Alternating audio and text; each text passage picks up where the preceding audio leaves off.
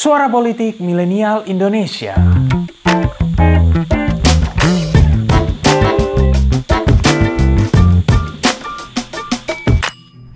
Yahudi dan Armenia. Dua identitas ini adalah sepenggal kisah sejarah tentang bagaimana penjajahan, genosida, dan kekelaman masa lalu menjadi satu kesatuan yang masing-masing mempengaruhi perjalanan dua bangsa tersebut.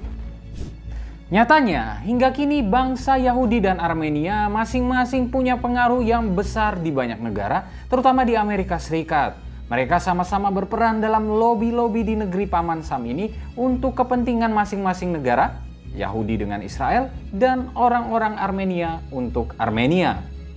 Selain itu, ada juga kisah Holocaust yang menimpa orang-orang Yahudi. Sementara di kubu yang lain ada juga Armenian Genocide yang sama-sama meninggalkan jejak sejarah kelam.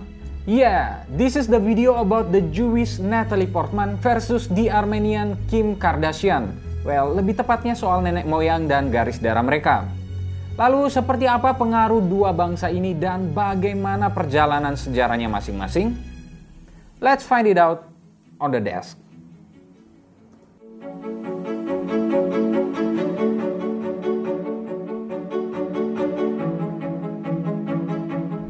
Baik Yahudi maupun Armenia merupakan bangsa dengan sejarah panjang. Orang-orang Yahudi misalnya adalah bagian dari sejarah Israelites alias Bani Israel. Ini adalah semacam konfederasi negara yang ada pada era akhir Iron Age, sebuah era ketika peradaban manusia mengganti perunggu dengan besi sebagai logam utamanya, yakni sekitar abad 12 sebelum Masehi hingga abad 5 sebelum Masehi. Adapun orang Yahudi modern lebih mengidentikan diri mereka dengan kerajaan Yehuda yang ada di sebelah selatan wilayah tersebut. Sejak abad ke-7 sebelum Masehi, orang-orang Yahudi sudah mengalami pembuangan atau exile, yaitu ketika Sargon II dari kerajaan Assyria menduduki wilayah kerajaan Israel.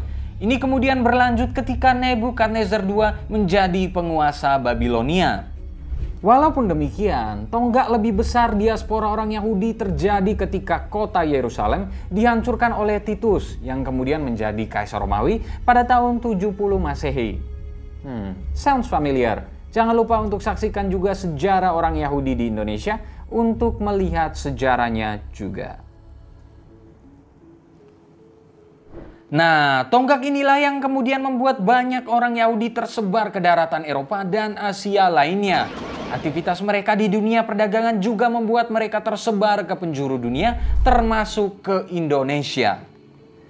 Sementara untuk gelombang orang Yahudi yang masuk ke Amerika Serikat terjadi sekitar pertengahan abad ke-17. Salah satunya akibat English Plantation Act pada tahun 1740 yang memungkinkan orang-orang Yahudi menjadi warga negara Inggris dengan bermukim di negara-negara koloni Inggris.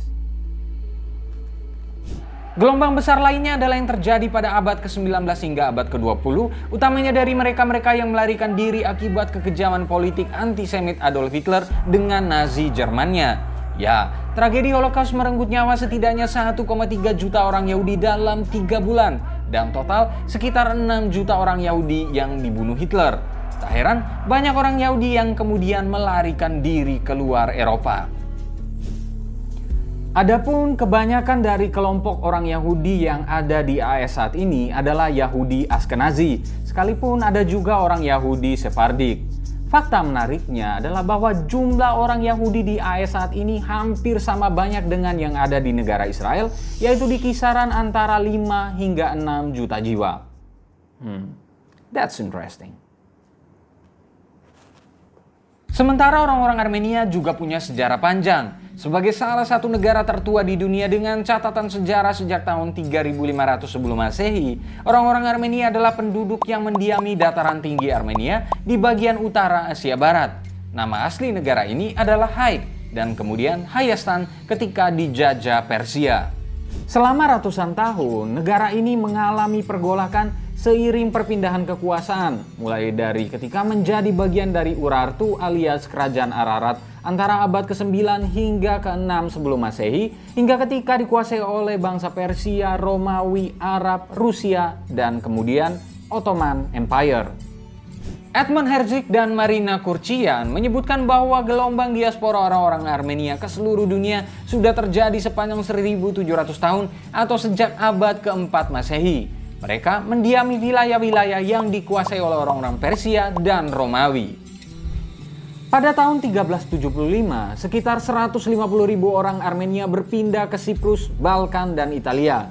Sementara ketika dikuasai oleh Rusia dan Ottoman, arus perpindahan orang-orang Armenia ini juga terjadi kedua negara tersebut.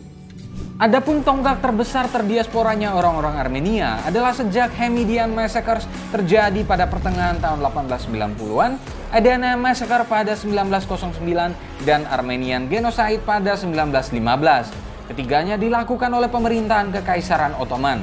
Armenian Genocide misalnya diperkirakan menewaskan sekitar 1,5 juta orang Armenia.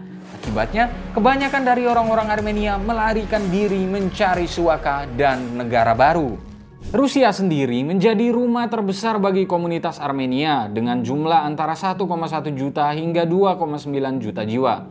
Jumlah ini hampir sama banyak dengan penduduk Armenia di Armenia yang jumlahnya mencapai 2,9 juta jiwa. Banyak juga orang-orang Armenia yang melarikan diri ke AS dan diperkirakan ada hampir sekitar 1,5 juta orang Armenia yang ada di AS saat ini. Dua bangsa ini kemudian menjadi salah dua warna utama komunitas etnik di AS dan bahkan dunia.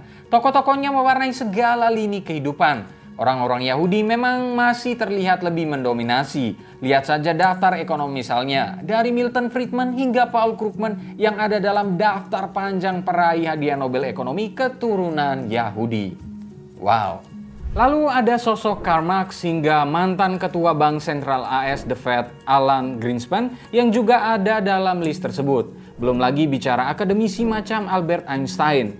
Di bidang politik ada sosok macam Henry Kissinger yang menjadi kunci pembalikan hubungan AS dan Tiongkok dan masih banyak yang lainnya lagi. Orang-orang Armenia sekalipun jauh lebih sedikit namun juga tidak kalah berpengaruh. Di bidang ekonomi ada sosok macam Darren Echemoglu di MIT. Kalian yang gemar main musik, khususnya drum, juga pasti tak asing dengan brand Zildjian dan Sabian yang dua-duanya didirikan oleh keluarga Robert Zildjian yang berdarah Armenia. Di bidang hiburan ada nama Kim Kardashian, di olahraga ada Andre Agassi, dan pecatur terhebat sepanjang sejarah Gary Kasparov juga punya darah Armenia. Dalam bidang politik sendiri, baik orang-orang Yahudi maupun orang-orang Armenia sama-sama memainkan lobby-lobby untuk kepentingan negaranya masing-masing. Lobby Yahudi di AS kebanyakan berfokus pada kepentingan Israel sebagai negara dan komunitas orang-orang Yahudi di AS. Ada di American Israel Public Affairs Committee atau AIPAC misalnya yang punya lobby langsung ke Kongres AS. Sementara lobby-lobby Armenia sering terjadi lewat Armenian National Committee of America dan Armenian Assembly of America. Selain terkait hubungan kerjasama, lobby-lobby ini juga berkutat di seputar isu Armenian Genocide, di mana Armenia berharap AS dapat menindak tegas atau memutus hubungannya dengan Turki yang dianggap bertanggung jawab atas pembantaian di masa lalu ini. AAA sendiri seperti APEC sering terlibat dalam konteks kepentingan politik luar negeri Amerika Serikat. Dua bangsa, dua kekuatan peradaban besar. Lalu seperti apa kisah bangsa Yahudi dan bangsa Armenia ini harus dimaknai? Terima kasih telah mendengarkan episode kali ini. Nantikan episode-episode selanjutnya dan jangan lupa untuk kunjungi pinterpolitik.com untuk dapatkan informasi seputar fenomena politik di Indonesia. See you next time and bye-bye.